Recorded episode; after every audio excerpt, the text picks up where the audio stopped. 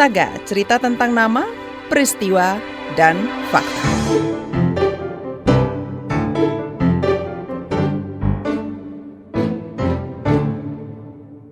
Pulau Kalimantan punya catatan pahit konflik antara suku Dayak dan Madura hampir 20 tahun yang lalu. Bermula dari Sampit, Kalimantan Tengah, konflik meluas hingga ke wilayah di sekitarnya, termasuk Pontianak, Kalimantan Barat. Isa Oktaviani, 23 tahun, tak mau konflik terulang. Ia berupaya merawat kerukunan warga di Pontianak dengan mendirikan komunitas satu dalam perbedaan atau sadap. Jurnalis KBR Dian Kurniati mencari tahu bagaimana cara komunitas itu bekerja. Isa Oktaviani, 23 tahun, asli Pontianak, suku Dayak, agama Kristen. Ia lahir dan tumbuh di lingkungan yang homogen. Kalau dulu SMA saya nggak ngerti. Ada sih teman saya Islam dan beda suku tapi kita tuh nggak pernah ada konflik gitu. Jadi saya mikirnya sama aja gitu.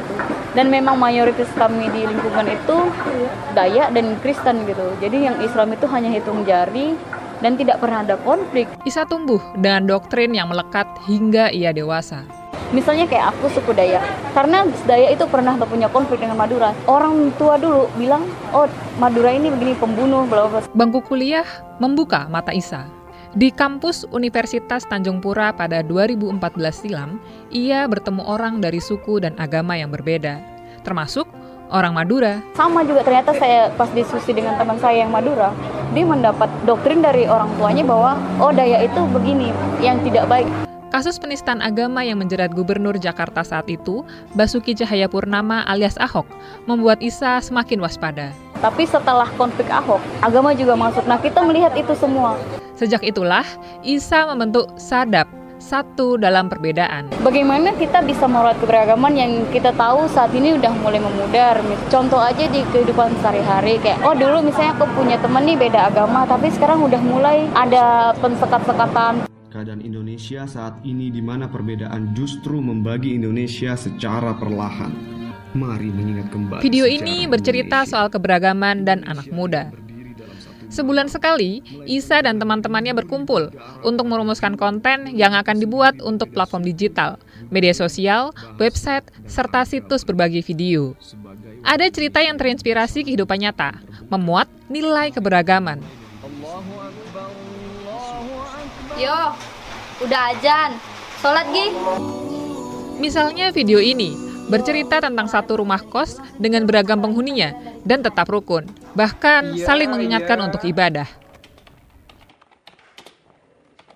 Adi Rahmat, 22 tahun, adalah mahasiswa semester akhir Universitas Tanjung Pura. Kisah yang ia tulis pernah dimuat sadap, tentang seorang muslim dan Hindu di pinggiran kota Pontianak rumah ibadah mereka hanya terpisah tembok tipis. Itu kan iklim yang menarik ya, soal dua agama tapi bisa berhidup berdampingan. Dan harapannya sekarang nilai itu yang ada di sana itu bisa jadi salah satu tolak ukur lah di, di Indonesia bahwa masih banyak hal-hal yang menarik dan kedamaian itu menjadi hal yang menarik kalau memang itu dijadikan yang terlihat.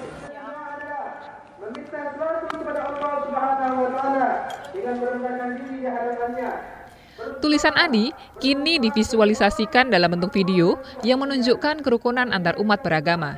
Kalau lihat dari datanya, untuk agama Hindu itu paling rendah penduduknya di Kalimantan Barat ini. Kalau Islam itu paling banyak. Uniknya, ya, di situ ada berdiri masjid dan pura sangat berdampingan. Bahkan kalau bisa dibilang kalau memang pura itu ada atapnya, gitu bertemu atap. Jangan lupa baca beli buku ini ya, boy. Akhir 2018 lalu, Sadap membuat acara Temu Pemuda Lintas Agama, TP5. Belasan anak muda dari beragam suku dan agama berkumpul, lantas mengunjungi berbagai rumah ibadah di Pontianak.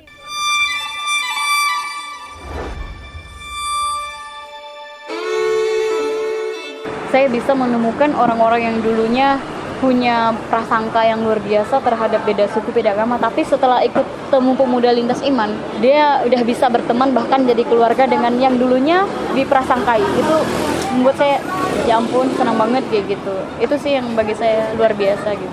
Umi Tartilawati 22 tahun termasuk yang tercerahkan Dulunya saya pikir berteman dengan orang yang bukan dari suku dan agama saya itu hal yang haram kalau dalam bahasa Islamnya. Tapi ternyata ketika saya pelajari lagi hal itu tidak benar gitu. Bagi Isa, kegiatan-kegiatan sada penting untuk menciptakan pertemuan. Supaya semakin banyak anak muda yang merasakan pengalaman bersaudara dengan teman yang berbeda suku dan agama memang generasi muda inilah yang akan membuat konflik-konflik itu mulai memudar gitu. Karena kalau bukan pemuda siapa lagi sih yang bisa diharapkan jadi kita memang merubah doktrin-doktrin lama dan kita mencoba untuk membuat hal-hal positif. Kita menyebarkan hal-hal baik baik di media sosial maupun di kehidupan sehari-hari. Demikian Saga KBR, saya Dian Kurniati. Terima kasih sudah mendengarkan.